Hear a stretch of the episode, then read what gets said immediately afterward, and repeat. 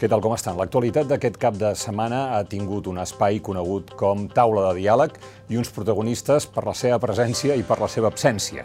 De manera que no els estranyarà gens que eh, una de les nostres ofertes informatives d'aquest cap de setmana, ara.cat, sigui l'entrevista que ve a continuació amb el secretari general de Junts per Catalunya, Jordi Sánchez. Senyor Sánchez, què tal? Gràcies per acompanyar-nos. Gràcies a vosaltres. Comptat i debatut, aquesta ha sigut una bona setmana pel procés d'independència de Catalunya?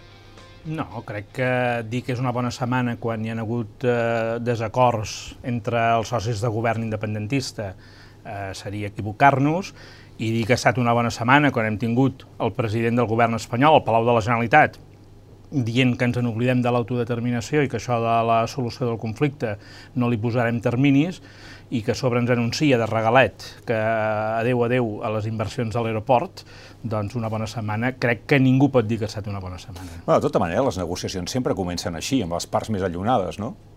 Sí, és obvi que si negociem és perquè hi ha distància i hi ha desacords. El tema és quan ja portem el tercer reencontre en l'inici de converses i no acaben d'arrencar, i sobretot quan l'altra part, et diu per activa i per passiva que no hi ha res a negociar i eh, aquests dies, crec que era el divendres, llegíem el ministre Bolaños dient obertament que el procés per ell s'ha acabat. Per tant, la pregunta que crec que ens hem de fer honestament és què ha de negociar l'altra part si considera que el procés independentista s'ha acabat. Bé. La, la, segurament la feina de la banda catalana de la taula és fer-li veure que té incentius per negociar.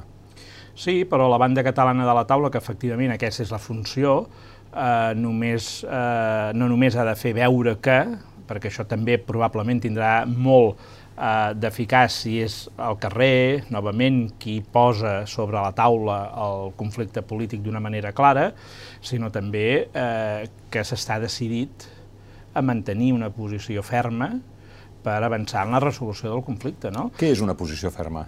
Doncs una posició ferma és, per exemple, no acceptar que eh, totes les condicions que eh, hem tingut, per exemple, per iniciar aquest espai per tercera vegada de, de diàleg. Tercera vegada, disculpi, és Torra Sánchez de Pedralbes, Torra Sánchez a, a, Moncloa, a Moncloa i aquesta. Ja, efectivament. Eh? Tot i que formalment podríem dir, ho accepto, que la taula en ella mateixa agafa embranzida quan eh, hi ha la investidura a Madrid, a l'acord Esquerra Republicana-PSOE, i per tant la primera reunió de la taula és la del febrer del 2020. Eh? Mm. Però... Perdoni, i quan vostè en Pere Aragonès acorden la taula també, no? Com a, ah, però... com a part de l'estratègia del govern. Efectivament, i acordem, uh, i, i és molt important, i ara suposo que en podrem parlar, acordem eh, i ho diem explícitament, eh, que l'estratègia negociadora formarà part d'aquest govern, amb escepticisme, perquè nosaltres no l'hem negat mai. no l'hem no negat mai, és més, està negre sobre blanc en l'acord, però també amb lleialtat. Però el més important, i en l'acord es diu i està escrit, i per tant qualsevol eh, lector eh, de l'ara ho podrà veure, eh, parlem de eh, reemprendre la taula de diàleg, per tant és una cosa que comença de nou, parlem d'unes condicions que s'han de donar eh, de coneixement previ d'un ordre del dia, d'un mètode, d'una preparació que no s'han produït i sobretot parlem per nosaltres d'unes condicions de qui seu a la taula que eren les mateixes que teníem al febrer del 2020. Disculpi que l'he fet anar fins aquí i la pregunta primera de totes era què, vol, què volia dir fermesa i vostè m'ha dit al carrer.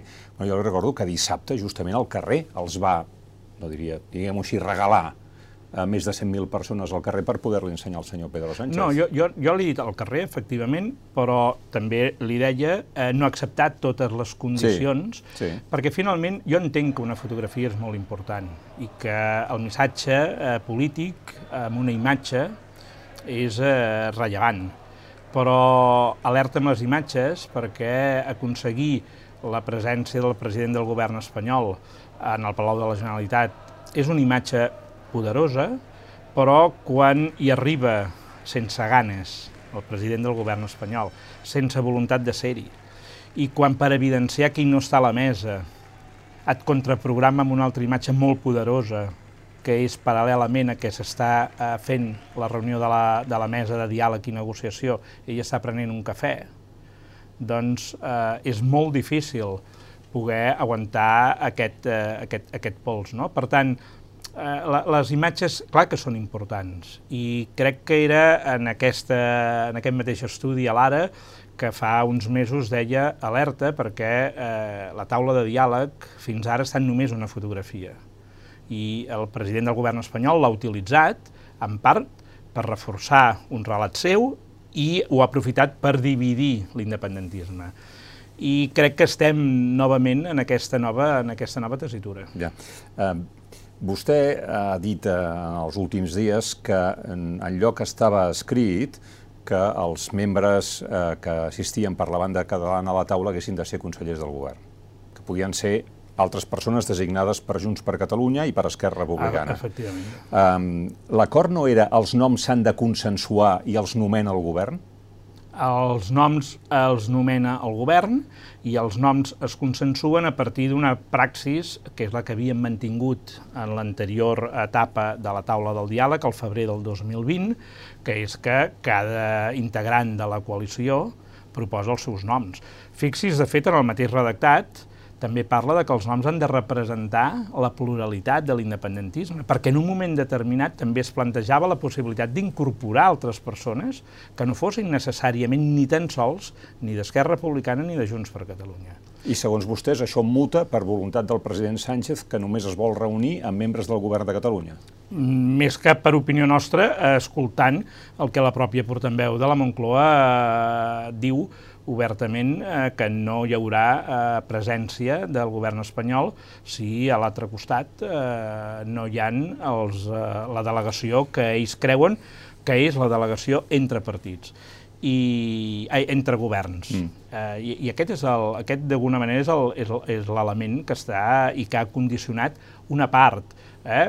però crec que no, no només hauríem de posar el focus en aquest desencontre, que hi és, i que el podem acotar, jo crec que està acotat i que això no posa en perill el govern, sinó veure com el govern espanyol eh, no ha tractat dignament la Generalitat en tot aquest procés i és bastant poc responsable, insisteixo, arribar eh, poques hores abans de la trobada de la taula, sense ordre del dia, sense saber si el president hi assistirà, i coneixent pels mitjans de comunicació l'entrevista que feia el president del govern espanyol el dilluns al vespre a Televisió Espanyola, que la trobada seria, que hi vindria i que la trobada seria el dimecres. Ara en parlarem, eh, però eh, anem desplegant una miqueta les qüestions per ordre.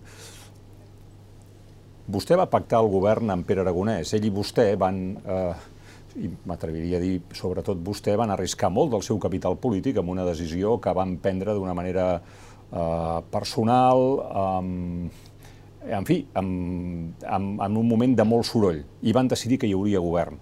La qual cosa eh, ens dona a entendre la seva capacitat d'arribar a acords, eh, una fluidesa de les, de les converses entre vostès dos que em consta que no s'ha trencat, eh, i la voluntat que si fan un govern, després de tres mesos de parlar-ne, no sigui per tornar a decebre l'independentisme.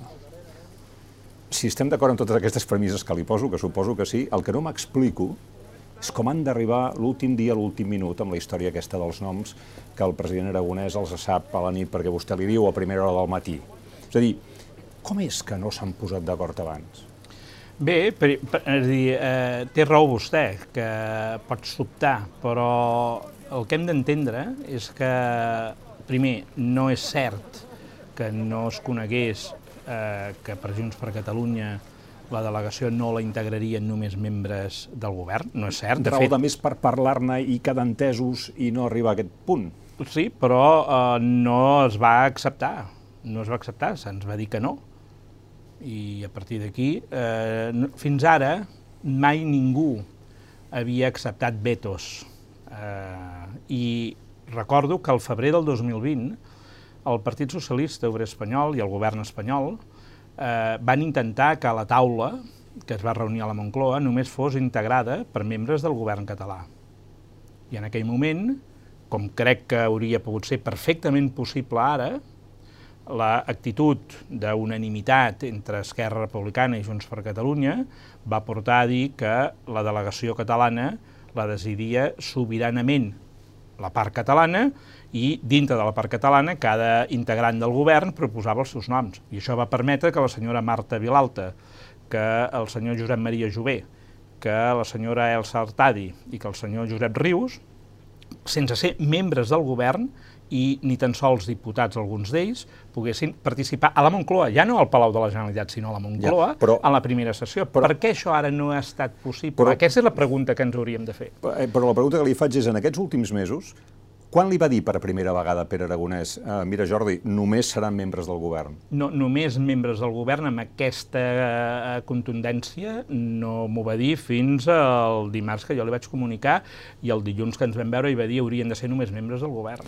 De tota manera... Eh, jo sabia la, la voluntat eh, i el president em deia ens heu de fer confiança i jo li deia la confiança la teniu perquè la confiança la té i el president la té, no pot ser d'altra manera. Estiguéssim o no en el govern, el president de la Generalitat ha de mereixer bona part de la confiança d'un partit eh, com Junts per Catalunya, però és que més formem part del govern. Per tant, no, no, és, deia, no és una qüestió de confiança, és una qüestió de que sabem que aquí hi han unes mirades que no són coincidents, que nosaltres respectarem perfectament la proposta que faci Esquerra Republicana, però Esquerra ha de respectar la proposta que faci Junts i eh, ens hem de blindar per evitar el veto eh, que pugui venir de Madrid. El que passa, senyor Sánchez, vostè ho ha dit abans, eh, Pedro Sánchez va venir arrossegat a Barcelona. Vostès també hi anaven arrossegats. No, no han amagat a ningú que veien la taula amb molt escepticisme. I, de fet, els últims dies semblava mm, que això no tindria cost perquè Sánchez no vindria i fins i tot vostès van arribar a dir públicament home, suposo que si no ve el president espanyol, el president de la Generalitat no hi anirà. Que amb això el president de la Generalitat I... estava d'acord amb la proposta que havia fet Junts. Carai, però aleshores dilluns a la nit va el president espanyol i diu que ve. I això últim de donar uns noms que saben perfectament que Aragonès no voldrà, sona a dir, oh, ara què fem? Què fem per no anar-hi? No, no, no és ben bé així. És a dir, si nosaltres no donem els noms eh, amb anterioritat i, eh, és, i no els discutim amb anterioritat, és eh, per no obrir cap polèmica ni donar cap excusa en el president del govern espanyol per eh, participar o no participar a la reunió que es va fer aquest dimecres a, a Barcelona. Per tant, nosaltres estàvem en condicions d'aprovar començaments de setembre els noms. I jo personalment li envio un missatge al president eh, aragonès per escrit, eh, on li dic, eh, escolta'm, eh, molt probablement els noms eh, tindran un pes que no seran de persones del govern, sinó de la direcció eh, del partit. I, I aquest és un missatge que arriba a finals, no recordo, finals d'agost, començaments de setembre. Per què nosaltres no eh, fem públics els noms en aquell moment? Perquè és quan comença tota l'especulació del president del govern espanyol, de si vinc, si no vinc, i tota aquesta rumorologia. I nosaltres, i en aquest cas jo, assumeixo la responsabilitat i trasllado a l'executiva de dir nosaltres no serem utilitzats per entrar en determinades polèmiques, si el president vol venir que vingui, si no vol venir que no vingui, però que no ens utilitzi a nosaltres com a excusa. Un cop el president, en l'últim minut, que això també és molt curiós, és a dir, en, en quin espai de negociació, amb quin esperit de negociació eh, vas, quan has estat especulant fins l'últim minut si seràs o no hi seràs, i fins un segon abans d'entrar si eh, formaràs part o no de la taula eh, del diàleg i, i seuràs o no, i els missatges de la Moncloa són molt, molt, molt clars. Per tant, nosaltres, el fet de no donar els noms, no és per fer dir, ho direm a l'últim moment per sortir del pas, no, no, és per evitar donar, diguéssim, eh, coartada a una actitud que era, jo crec, de molt de menys preu del president del govern espanyol, especulant si venia o no venia, perquè això sí que debilita les possibilitats reals de, de diàleg i d'entesa. Un altre problema que potser té Junts a l'hora de donar noms és que vostès, per dir-ho amb una expressió que es fa servir molt en política, no hi tenen tant de ferro en el govern. Eh, tenen dos consellers independents, Giró i Alzina. Tres, tres. Eh, el conseller Argimon bueno, anava a dir dos més que són més tècnics que polítics, ah, Argimon, perdó, perdó. Argimon i Garriga. Eh? Uh -huh. uh, esclar, realment el, el, el pes més polític és el del vicepresident Puigneró, aleshores eh, necessitaven eh, el reforç d'algú de fora. Sí, però aquest Primer, eh, és obvi que tots els nostres consellers eh, de, de tot el govern, i particularment els que hem anomenat Junts per Catalunya, eh, tenen eh, lideratge polític i tenen capacitat eh, d'impulsar i de treballar i d'arribar a acords polítics i l'absoluta la, confiança siguin o no militants de Junts per Catalunya. Aquest és un primer punt. Per tant, que ningú vulgui interpretar que aquests noms van a devaluar els homes i les dones eh, del govern que representen, en aquest cas, Junts per Catalunya. En, en segon lloc, que, que és un element molt important, eh, aquesta taula tenia un risc. Un risc que havíem de, també, eh, i, i està en l'origen de, del perquè dels noms que proposem, que és la voluntat permanent del govern espanyol de convertir aquesta taula en una trobada de luxe de la comissió mixta govern-generalitat. I el mateix dilluns, quan encara Pedro Sánchez no havia confirmat si venia, tots els ministres que venien van estar eh, eh, enviant missatges i participant en mitjans de comunicació dient que vindríem a parlar de l'aeroport, dels fons europeus, eh, és a dir, intentant d'avaluar el que era una cimera per obrir eh, porta al diàleg i la negociació i convertir-ho en un espai que és imprescindible, que és la negociació per conflictes competencials, per obtenir més transferències i per fer complir inversions que se'ns escapen cada dos per tres. Per tant, nosaltres havíem advertit i havíem compartit amb el president aragonès la por de que si era una delegació només de govern, finalment acabéssim tenint una agenda que és imprescindible i que Catalunya necessita, però que no ha de ser en aquest fòrum, que ha de ser en l'espai que eh, hem de tenir entre el govern català i espanyol, amb una bilateral per parlar de competències. Per tant, hi ha hagut una eh, tendència permanent del govern espanyol, amb una habilitat comunicativa que jo els hi reconec, d'intentar d'avaluar des del minut 1 aquesta taula de moltes maneres, dient de què parlarem, eh, parlant només de temes d'inversió i competencials, eh, marejant la perdiu si vindrà o no vindrà el president aragonès, i quan realment tu tens voluntat d'abordar eh, un, un, una solució al conflicte polític, i has d'anar amb una altra actitud. No cal que, òbviament, defensis l'autodeterminació d'entrada, perquè si no ja no faria falta la taula, però sí que pots anar amb una proposta de dir, mira, el conflicte polític, que no és motivat per l'aeroport. És a dir, l'aeroport, mm. perquè ens entenguem, és el resultat del conflicte polític. No és l'origen, per tant, no anem a buscar la solució a l'aeroport. Ara, si a sobre venen i t'anuncien que ni tan sols ens invertiran els 1.700 milions que es van comprometre el 2 d'agost amb el vicepresident eh, Jordi Puigneró i t'ho anuncia el president del govern espanyol al Palau de la Generalitat en el marc de la taula de diàleg i negociació, és una de les altres imatges que fa mal. Uh -huh. uh, naturalment, aquesta uh, és un, això és una entrevista i l'entrevistat dona les seves raons i les estem escoltant. Però també escoltem la gent, perquè ens envien correus electrònics, perquè estem a les xarxes socials, perquè... I una mica la sensació és, eh, segur que vostè coneix aquella cita del que va ser president de la Primera República Espanyola, Estanislau Figueres. Sí, sí, vol li dic jo. Que, que abans d'anar... De tots nosaltres mateixos, eh? Que abans d'anar-se'n a París eh, emparanyat i a l'exili va dir sí, sí. estic fins als collons de tots nosaltres. Nosaltres, sí, nosaltres mateixos. Bueno, deia, este, sí, este sí. és uno, que deia el Johan. Dos, Pedro Sánchez ha fet un tip de riure, de veure, a més a més, el govern català dividit. Per tant, si la gent no ho entén, i el teu adversari polític, el de l'altra banda de la taula, se n'en riu?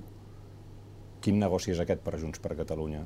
Bé, jo no parlaria de Junts per Catalunya, parlaria de quin és aquest negoci que en aquests moments tenim, eh, mai més ben dit, sobre la taula. Perquè què hagués passat, què haguéssim tingut de diferent en una reunió entre quatre o cinc ministres espanyols i quatre o cinc consellers de la Generalitat? Què hagués passat de diferent? Bueno, Algú vostè... pensa que la, el senyor Pedro Sánchez no hagués anat igualment a fer el cafè? No, però... Algú pensa que igualment el senyor Pedro Sánchez no hagués dit que aquesta negociació ja no tenia terminis, quan tenim un acord de legislatura, i ell ho sabia, i això és molt poc elegant pel president del govern espanyol, fer-li aquest lleig al president aragonès, perquè el president aragonès va tancar ell personalment un acord amb la CUP establint un període màxim de dos anys. I li ve l'interlocutor principal, i a casa seva li genera un problema que no és menor. Eh, això és lleig. I en política eh, res és gratuït. Sí, però vostè em pregunta què hauria passat si... No ho sabem. No ho sabem perquè no va passar. Vostès no hi eren. Perdoni, no hi eren ah. perquè tampoc hi podien ser-hi per un altre motiu molt bàsic. Quin ordre del dia què anàvem a parlar? Quina carpeta teníem? Tots ho vàrem poder veure en les poques imatges de la taula, cap paper. D'acord. Però... Eh, I el llenguatge no verbal, i, i, i la posta en escena és molt, Però és molt no, important. No creuen que si vostès no creuen en aquesta taula, tenien una oportunitat magnífica d'anar-hi, seure, constatar que no s'està parlant de res de l'autodeterminació, si és que és això el que va passar, eh? que no s'està parlant de res de l'autodeterminació, que això no funciona, sortir i dir-ho. El nostre compromís era ser-hi, però ser-hi amb les persones que creiem que hem d'assumir aquesta responsabilitat. El conseller Jaume Giró, per posar un nom, o la consellera Alzina o la consellera Geis, ells hauran d'encarar-se, en el bon sentit de la paraula, amb moltes taules amb els seus ministres eh, corresponents eh, homòlegs a Madrid per negociar temes competencials concrets. Eh, no els tensionem tampoc en aquests temes, amb ells. Primer, primera qüestió. En segon lloc, eh, vostè parlava de ferro polític. Mm, sí. eh? És una expressió eh, que quedi clar que els membres del govern tenen talla política, tots, i els de Junts eh, també, i els primers. Però és evident que un vicepresident del partit, Jordi Turull, una portaveu del Congrés de Diputats, eh, per descomptat el vicepresident del govern, i no m'agrada parlar del local, el secretari general, representa un ferro polític de primer nivell. És a dir, com se'ns pot dir que no creiem en a donar una oportunitat i ser lleials amb una taula que nosaltres hem dit no esperem res de l'altra part. Si posem el ferro més gros que tenim. Això... Eh, I posar el ferro més gros, vostè abans en deia, vostè va arribar a un acord amb el president Aragonès assumint riscos. Eh, la nostra proposta d'anar a la taula, de seure a la taula, eh, al costat del president del govern espanyol. Això també té molts riscos per una part de la nostra gent que no entén aquesta taula i que ens diu això s'està desmobilitzant. El vam assumir honestament, perquè vam dir quin és la millor senyal que podem enviar de que anem-hi honestament, i ningú ens haurà d'explicar, i serem nosaltres els màxims responsables d'aquest espai polític. Òbviament al costat de la resta de l'executiva i, i òbviament al costat del, del president eh, Puigdemont. No? Per tant, no se'ns pot dir que no ens vam comprometre. Si nosaltres no vam poder fer aquesta funció de seure i escoltar, és perquè no se'ns va deixar entrar. El per què no se'ns va deixar entrar? Probablement jo crec que per dos motius. Un, que a mi m'incomoda una mica perquè jo aquesta etapa també la vull tancar, perquè i tota la premsa espanyola el dimarts en anava ple, en el, en el, eh, perdó, el dimecres en anava ple en les seves portades, uh mhm. -huh. perquè no podia el president del govern espanyol seure amb dos indultats, o amb dos condemnats pel Suprem. L'incomodàvem. Eh? Però jo aquest tema, que, que com que sóc actor directament no, no en vull parlar, però n'hi ha un altre que era molt, molt evident al govern espanyol, només té interès de parlar de temes competencials i, per tant, per ell, el conflicte es redueix un conflicte entre governs, entre competències de, de governamentals. I aquest conflicte no és entre governs, és un conflicte polític. És un conflicte polític i, per tant, els actors polítics són els que han de poder abordar eh, la, la, la, la, fer l'abordatge. Si el Pedro Sánchez hagués decidit que venia als càrrecs del PSOE o exactament igual a Podemos, jo ho veig trobat molt raonable. Cada organització fa el que vol. També és veritat, eh, per la part d'Esquerra Republicana, les figures, diguéssim, del propi president aragonès té una responsabilitat en el partit que no és que no és gens menor. Segur. Eh, el cas és que tot això ens porta a, a, a concloure que el que va passar és que el president aragonès va cedir a una exigència del president Sánchez? Mm, jo no vull dir això, jo el que vull dir és que hi ha hagut una pressió de la Moncloa eh, perquè nosaltres eh, tinguéssim una delegació íntegrament, els catalans parlo, formats per membres del govern. I això Junts per Catalunya no ho va acceptar. Una pressió a la que Esquerra no ha pogut resistir. No sé si Esquerra no ha pogut, no ha volgut, jo aquí no vull entrar en aquest tema. Jo sé, i, i, i ho sé perquè ho he llegit a la premsa, eh, no, no, eh, i ho he escoltat amb les meves pròpies oïdes, que eh, nosaltres érem vetats explícitament, i això ha estat una expressió de la portaveu del, del mm. govern espanyol. Ah, la cadira vostès no la van ocupar, ja sap que en la política com, a, com en l'espai, no? tot l'espai que tu n'ocupes l'ocupa un altre, la gent potser no ha acabat d'entendre, però a més la, la, la comunitat internacional a través dels mitjans de comunicació més influents com el New York Times.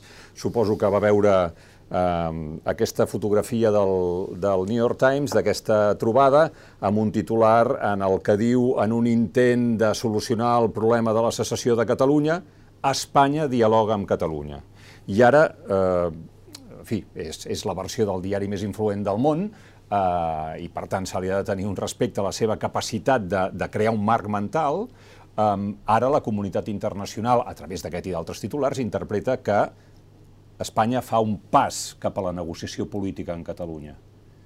I aquí vostès no hi són. Bueno, miri, el problema no és que no hi som. Si efectivament Espanya està fent un pas a dialogar i posa sobre la taula solucions al conflicte polític, que Junts per Catalunya no estigui en aquest espai, a ningú li ha de preocupar. Perquè Va, el que imp... el govern, senyor no, Sánchez. el que importa és la resolució. El que li poso sobre la taula és que probablement aquesta imatge i aquesta, eh, diguéssim, construcció de que Espanya dialoga, dialoga amb Catalunya és precisament el que el govern espanyol vol enviar com a missatge internacional sense, i aquesta és la diferència, que prèviament hi hagin les condicions per fer aquest diàleg. Vostè sap, eh, o crec que, que, que podrà compartir amb mi, que en els grans processos de negociació internacional, aquestes fotos, quan es fan, dels màxims mandataris, el president Aragonès i el president Sánchez en aquest cas, es fan quan hi ha hagut una cuina molt intensa i quan ja se sap quins plats podràs treure a taula o simplement que no trauràs cap plat, però que anunciaràs eh, que aniràs en una determinada línia. I això no s'ha produït aquí. No s'ha produït. I, per tant, a nosaltres, com a Junts per Catalunya, ens preocupa molt la utilització que el govern espanyol i l'estat espanyol fa internacionalment de l'aposta pel diàleg, perquè ens està venent fum, no hi ha res en concret, però expliquen què fan, fan veure que. I això té un efecte que en la comunitat internacional pot, diguéssim, rentar la imatge d'un estat que en aquests moments ha rebut peticions des de Nacions Unides fins a tribunals europeus, fins a organismes privats prestigiosos com Amnistia Internacional perquè respectin determinats drets i llibertats i que l'estat espanyol sistemàticament ha ignorat. Per tant, alerta, perquè aquest precisament és una molt bona imatge, la del New York Times, que pot ser el gran boomerang contra l'independentisme. I aquest és el que nosaltres ens fa ser molt prudents des del primer moment amb la taula pel diàleg i la negociació, que no ens estiguin utilitzant. Si jo fos coneixedor, conscient, i li asseguro que no ho era, que aquesta trobada venia precedida d'un treball, d'una cuina, d'uns documents, on sabíem perfectament a on podíem arribar, on no podíem arribar, eh, jo hagués anat tranquil a què es produís aquesta reunió, independentment de si haguéssim estat o no. La meva intranquil·litat, que la setmana que ve, eh, diguéssim, eh, podré eh, esvair-la, espero, amb, amb, amb la informació que el president Aragonès ens acabarà eh, donant a Junts per Catalunya amb els detalls, és que eh, no hi ha res encara de tangible, com no hi va haver-hi res al mes de febrer, i com no hi va haver res. L'única cosa tangible que hem tingut amb les converses amb el govern espanyol va ser la cimera de Pedralbes.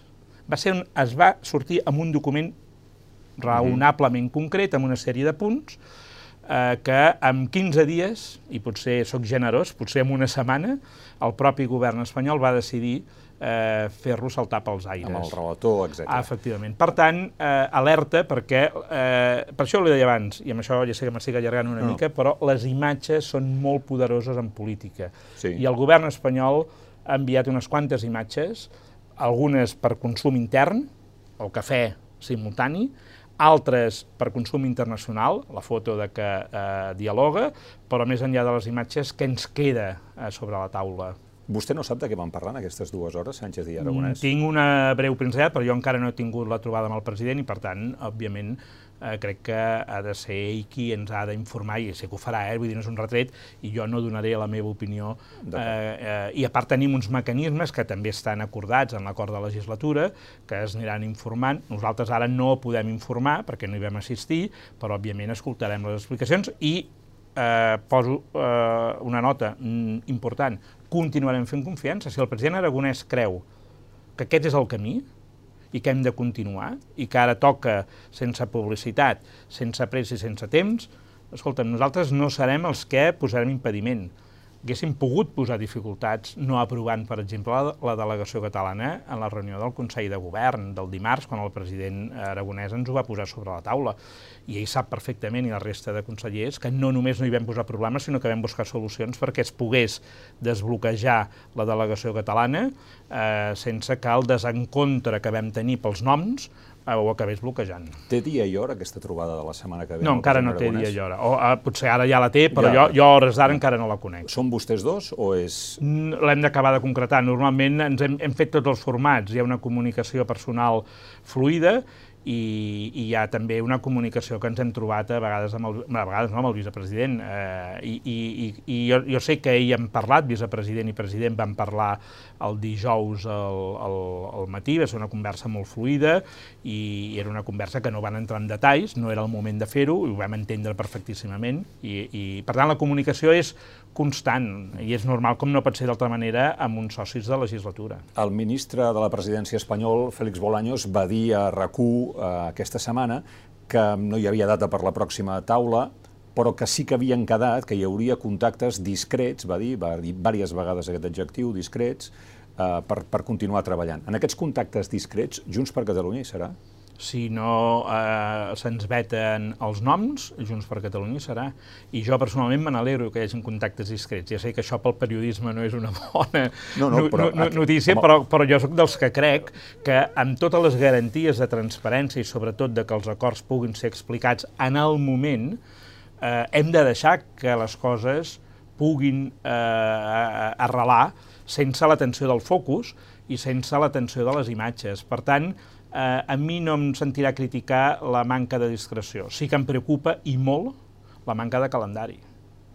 Això sí que em preocupa. És a dir, si vostè diu què li preocupa del que va escoltar del president del govern espanyol, eh, em sembla molt bé la discreció, em sembla molt preocupant que digui que no hi ha pressa. Que no hi ha pressa. Entre d'altres coses perquè eh, d'aquí dos anys hi ha unes eleccions generals convocades a Madrid on, eh, si no hi ha un acord que l'has eh, trebat bé eh, i es produeix un canvi de govern, eh, tot pot saltar pels aires. No? Mm -hmm. I, per tant, eh, alerta amb que el no tenir pressa eh, acabi, acabi fent ensopegar totalment aquestes, aquestes possibilitats. Potser el que volen, eh? és a dir, guanyar temps fins que les eleccions eh, restituïn nous, nous actors i nous mapes. Ja m'han parlat, directe o indirectament, eh, durant aquesta entrevista de la, del cafè, que el president espanyol Pedro Sánchez va aprofitar per fer a la tarda amb Salvador Illa. Hi ha una imatge, fer, les, les imatges d'aquesta trobada han transcendit, però m'agradaria que les comentés.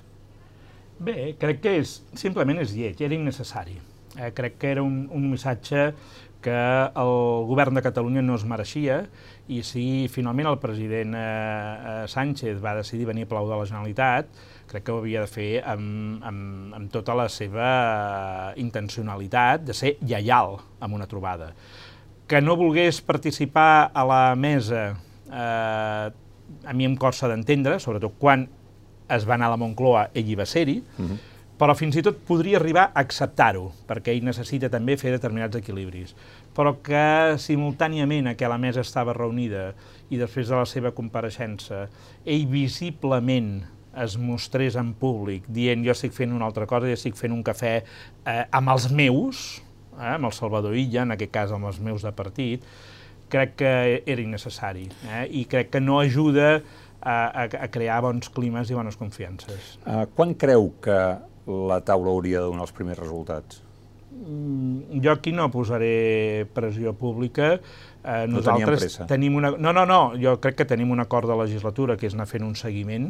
Eh, no va ser Junts per Catalunya, va ser Esquerra i la CUP qui van tancar dos anys, per tant aquí tenim un calendari màxim que lògicament haurem de fer un seguiment monitoritzat.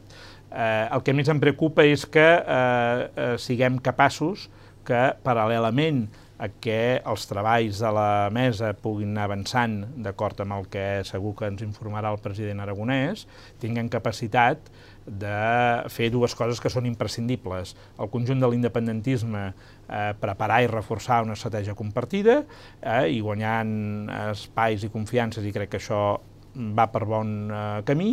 I per un altre costat els socis compromesos en el govern i amb la legislatura tenir capacitat de fer el que els ciutadans també esperen que un govern faci, que és una bona acció de govern amb una bona intervenció sectorial i intentant obtenir el màxim de competències i d'inversions eh, amb l'Estat. Crec que això és el que hem de poder estar en condicions de fer el, els propers mesos, aquestes dues coses, i la taula que vagi avançant, i lògicament jo sí que entenc que aquest conflicte no es pot eh, demorar in eternum. Eh...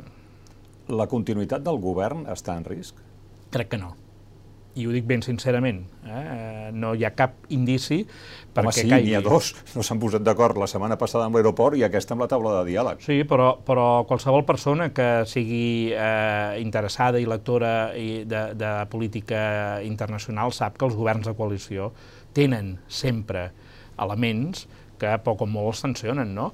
Algú posa en qüestió la continuïtat del govern espanyol, per exemple, pel desencontre entre Podemos i el PSOE, amb tantes i tantes coses? Oi que no? Aquí tenim, a Catalunya jo crec que tenim una, una mentalitat una mica provinciana.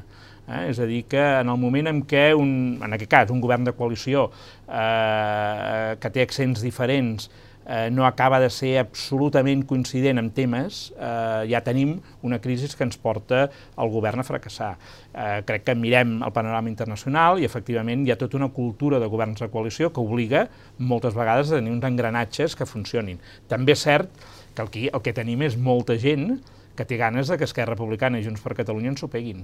Tota l'oposició. Aquests dies escoltàvem a, a diputats del Parlament de Catalunya oferint-se, no, la senyora Albiach desesperadament... Quan Aragonès assumeixi que amb Junts per Catalunya no va enlloc, nosaltres hi serem. Jessica Albiach, a Televisió Espanyola. Perfecte. Doncs la pregunta és eh, per fer què?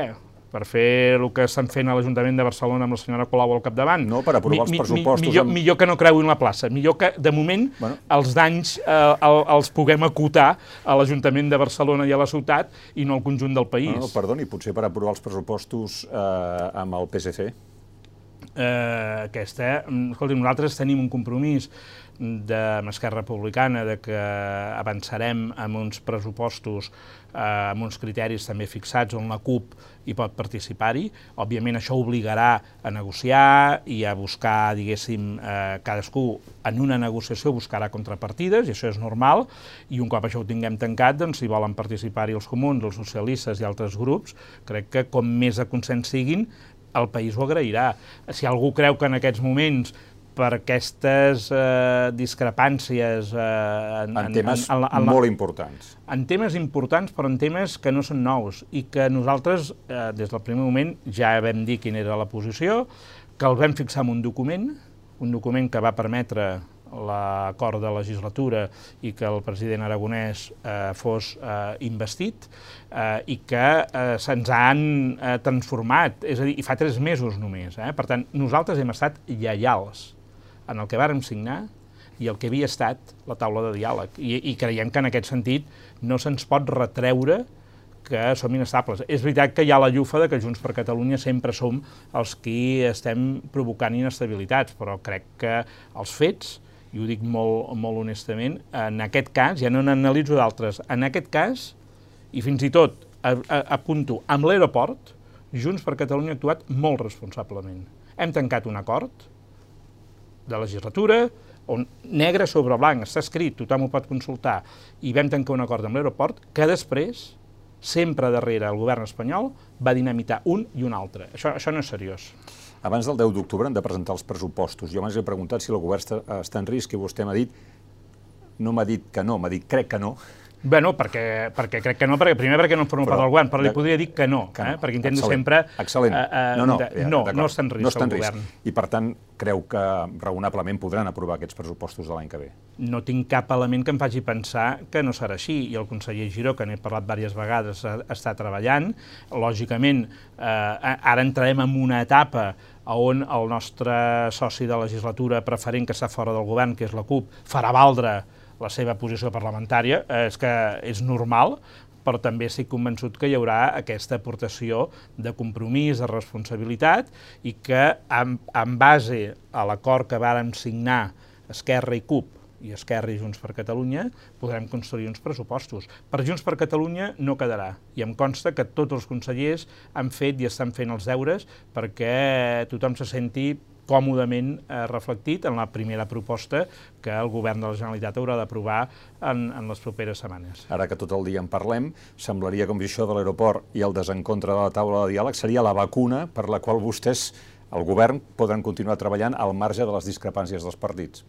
Bé, no sé si podem estar treballant, però, però són coses molt diferents. Eh? És a dir, crec que la nostra, el nostre veto eh, que ens han imposat a no participar a la taula, sincerament no posa en risc la taula, no la posa, per tant, eh, si hi ha capacitat de treball i voluntat per part del govern espanyol, ens accepti o no els noms de Junts per Catalunya, segur que amb Esquerra Republicana faran molta feina i tindrem una bona proposta per resoldre el conflicte polític. Per tant, en aquest cas, a mi em preocupa relativament. En canvi, amb l'aeroport, la, la decisió anunciada pel president eh, Pedro Sánchez en el Palau de la Generalitat de que retirava la inversió prevista de 1.700 milions, això sí que fa mal, perquè aquests diners ja no arribaran.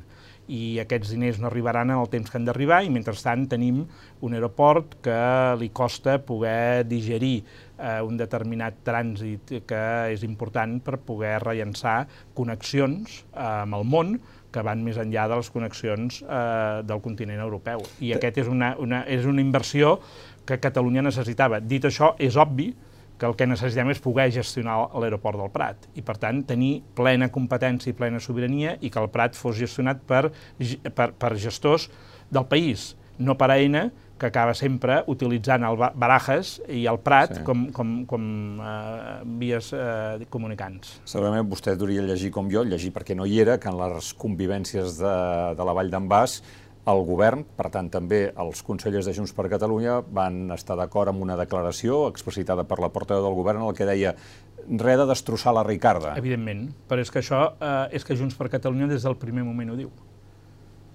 Junts per Catalunya des del primer moment, i amb l'acord que es fa a Madrid, eh, amb, la, amb la ministra, queda molt clar que és una afectació mínima. I la Ricarda té la finca que té la llacuna, però abans de la llacuna hi ha molts altres eh, terrenys. I en segon lloc, i el més important, eh, la Generalitat té la clau a partir dels informes medioambientals de poder eh, aprovar o no aprovar en primera instància el que serà el pla director eh, per a la reforma de l'aeroport del Prat. Per tant, teníem tots els instruments per fer-ho eh, i, i vostè sap que bona part de la polèmica que ara tenim també, que hem tingut amb la, amb la mobilització d'aquest cap de setmana eh, de la Ricarda, eh, no és només, eh, de, de l'aeroport, perdoneu, no és només salvaguardar un espai de biodiversitat que és la Ricarda, que en podríem, n'hem de parlar, s'ha de protegir, lògicament, sinó que el que hi ha darrere és un model que el que vol és de construir unes determinades formes de comunicació i, per tant, que eh, els aeroports tendeixin a decréixer. I a decréixer vol dir a perdre eh, afluència de vols. Eh, aquest és un model eh, que no és en aquests moments el de Junts per Catalunya, i crec que no és el de la major part dels actors socials i econòmics del país. Eh, I tu el que has de garantir és que, efectivament, l'impacte medioambiental de l'aviació acabi eh, reduint-se i aquí el que cal confiar, diguéssim, és en la nova generació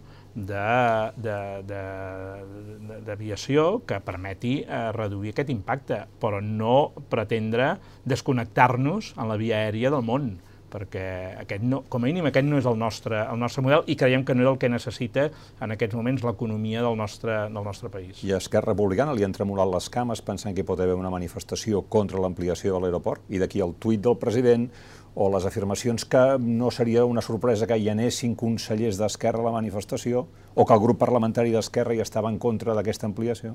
No sé si li han tremolat les cames, jo crec que a un president no li poden tremolar les cames, en tot cas suposo que si ell va fer aquell tuit o la portaveu del govern va dir que alguns consellers anirien no a la manifestació, eh, és perquè s'han convençuts que Catalunya eh, ha de replantejar, diguéssim, la seva presència en, la, en, en els vols i en, en la realitat eh, aeroportuària eh, de manera decreixent. I, clar, bueno, no sé, però en qualsevol cas no crec que sigui un tema de tremolor de cames, crec que en tot cas ho sé un projecte social eh, i en aquest cas pot ser molt que sigui molt coincidint amb els comuns. Ja, aleshores tenen un problema com a socis de govern, no? Bé, però tenim un problema que nosaltres, en aquest cas, i hem de reconèixer, el govern de Catalunya va acordar i va acceptar l'acord que vàrem establir el 2 d'agost. És a dir, qui trenca l'acord de les inversions del Prat no és Esquerra Republicana. Esquerra Republicana es manifesta, diguéssim, d'una manera ambigua, com a partit, no parlo com a govern. Qui compromet les inversions és el govern espanyol, que una vegada més utilitza eh, accents diferents en el govern eh, per agafar l'excusa i incomplir el seu compromís. I és aquí on nosaltres no podem perdre eh, aquesta, aquesta mirada. Qui té mm. responsabilitat de que finalment l'aeroport del Prat en aquests moments no tingui eh, en calendari una inversió de 1.700 milions d'euros és el govern espanyol. Per què l'ha retirat, des del seu punt de vista, el govern Jo espanyol? crec que perquè creu que així eh, genera una manera de tensionar entre socis i també, i ho dic obertament, de no ajudar a la creació d'una estructura bàsica per un país que eh, es volen amb llibertat. Llavors, ells no, no són entusiastes en fer inversions a Catalunya. No és, no, no és només un tema del Prat, és un tema de rodalies, oh. és un tema d'infraestructures diverses. Per tant, l'estat espanyol, eh, si alguna cosa l'ha caracteritzat, és les seves ganes de no invertir a Catalunya. Aquesta inversió en el Prat estava eh, tancada, anunciada, acordada pel propi Ministeri amb el 2 d'agost. No és normal o, o jo considero, en la manera que entenc la política, que una inversió de 1.700 milions es retiri per un tuit del president de la Generalitat, per un anunci de que potser alguns eh, consellers del govern aniran a una manifestació, no és normal. Eh, crec que aquí el que hi ha darrere és aquesta manera de fer política, una mica, si em permet l'expressió, que, que, que el govern espanyol té massa sovint i Pedro Sánchez de, de, de, de jugar, no sé com es diu en català, amb tri trilero, eh? Mm. és a dir, de jugar a, a, a fer... On, on tens la boleta. On tens la boleta. Uh, què farà Junts per Catalunya amb els pressupostos de l'Estat? Bé, primer el que hem de fer és veure si nosaltres com a independentistes i, per tant, eh, integrants de govern, som capaços d'articular una posició mínimament coordinada per negociar eh, interessos eh, claus que en els pressupostos segur que s'abordaran i que el govern espanyol hauria de portar a terme a Catalunya. Primer punt, serem capaços d'anar de la mà les formacions del país, fins i tot més enllà de les independentistes, per capturar inversions que són claus pel país. En segon lloc, hem d'esperar, hem de ser prudents, quina és la primera proposta que, que, que, que se'ns fa. I nosaltres en parlarem. D'entrada, la música que veiem amb l'actitud que han tingut no ens convenç, no ens agrada, perquè mm. veiem que no hi ha voluntat d'esmenar un dèficit permanent d'inversions amb l'Estat. No veiem que hi hagi una voluntat d'abordar una relació d'igual a igual amb la Generalitat de Catalunya. Els fons europeus en són un altre exemple.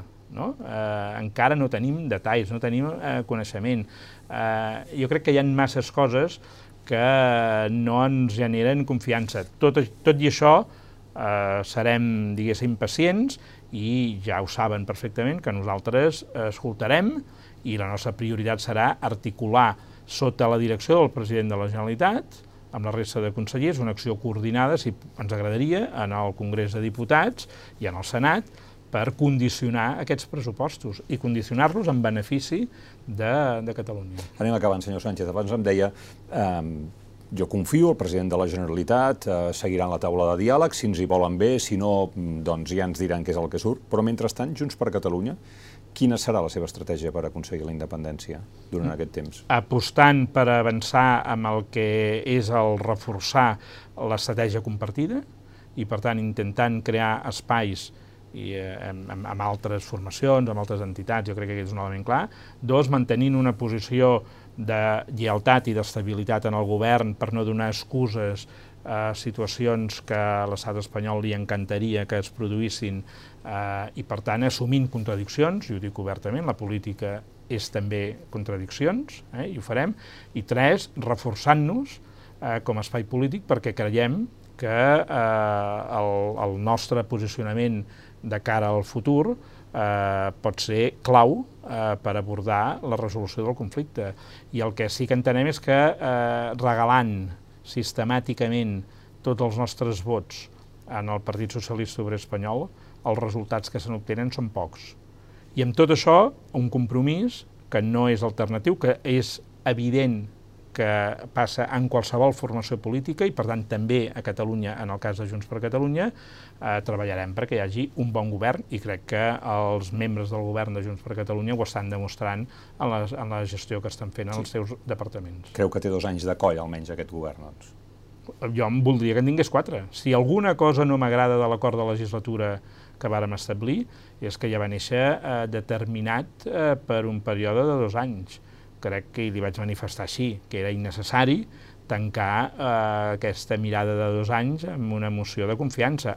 Innecessari fonamentalment perquè això ens abocarà, ens agradi o no ens agradi, a unes tensions que seran preelectorals, que acabaran d'alguna manera eh, debilitant la bona acció de govern. Però és l'acord que va arribar Esquerra Republicana i la CUP a nosaltres aquesta part era una de les que més ens desagradava, però òbviament l'acceptem i per tant esperem que d'aquí dos anys les coses hagin anat prou bé en tots els sentits, també en la recerca de l'acord la, estratègic entre independentistes, perquè la legislatura a Catalunya pugui, pugui eh, culminar. D'aquí dos anys passaran moltes coses. D'aquí dos anys Començarem, crec, a tenir notícies d'organismes europeus en el món de la justícia sobre la resolució d'algun dels recursos que estan ja presentats. Tindrem probablement ja també una, una decisió sobre l'abast de la immunitat dels nostres eurodiputats, en particular del president Puigdemont. Tindrem eh, unes eleccions municipals a les portes, tindrem unes eleccions generals a l'estat espanyol, haurem vist com s'hauran repartit els fons europeus i realment aquesta voluntat del govern espanyol de recompensar. Per tant, en política, tot i que tot va molt ràpid, eh, una mica de lentitud és bo i dos anys jo crec que donaran per molt a, a, a Catalunya. I ah. nosaltres el que hem de fer, i l'11 de setembre en aquest sentit ha estat un, una, una bona alenada d'aire fresc, és eh, poder tornar a crear una il·lusió col·lectiva que ens permeti eh, que la carpeta que el ministre Bolaños deia que s'havia tancat de Sí, la frase és el procés s'està acabant. El Pot contestar-ho? Jo crec que el procés eh, no s'està acabant. Ells fa anys que porten dient que el procés s'està acabant, ja ho deien abans de l'1 d'octubre, no? Per tant, la nostra obligació és que... No, no, no, no és que el procés s'està acabant, és que el procés és viu. I, per tant, eh, mentre no tinguem la independència, el procés serà viu. El que hem de tenir capacitat és que el conflicte democràtic torni a agafar musculatura perquè l'estat espanyol tingui incentius per resoldre'l de debò, no només per intentar enviar imatges com la que hem pogut veure en el New York Times. Mm. Uh, i, I finalment, ha de tema alguna cosa el president Puigdemont, Junts per Catalunya i el moviment independentista català en general d'aquesta uh, decisió, d'aquesta votació en el Parlament Europeu, d'obrir una investigació sobre les possibles ingerències de Rússia en el procés? Mm, pel que conec, eh, són anys que jo estava a la presó, pel que hem parlat amb el president Puigdemont, no només no hem de temer res, sinó que serà una gran oportunitat per denunciar eh, un ús indegut de la informació, un espionatge que l'estat espanyol eh, està fent eh, contra càrrecs electes i vulnerant eh, la seva immunitat, eh, inviolabilitat eh, que haurien de, de tenir. Per tant, no hi ha res a amagar absolutament res a amagar. I això forma part, com tantes altres històries ens han venut, d'unes construccions que l'estat espanyol fa per desacreditar-nos eh, per activa i per passiva en el món internacional a l'independentisme. Té la mateixa credibilitat, i ho dic en aquests termes, fer creure que en aquest moment l'estat espanyol està negociant la resolució del conflicte a Catalunya, com la comunitat internacional podria imaginar que resolen altres conflictes, eh? com creure que eh, l'independentisme va anar a plantejar l'ajuda a Rússia i esperar que Putin fos el nostre principal aliat. Mm. Crec que no cal confondre eh, a, la, a la gent, perquè finalment la gent eh, tonta, tonta no és. Acabo amb una pregunta bonus track personal, perquè no, no puc d'estar d'imaginar-lo, de recordar-lo eh, a l'octubre del 2017, dies abans de ser empresonat, va ser aquí amb Jordi Cuixart. Eh, digui'm una cosa, aquesta vida que està portant ara és la que vostè s''imaginava que portaria quan estava a la presó? Dir, quan dia que surti, la meva vida és això, eh, les reunions... I el... No, certament no, i, i millor no pensar-ho gaire.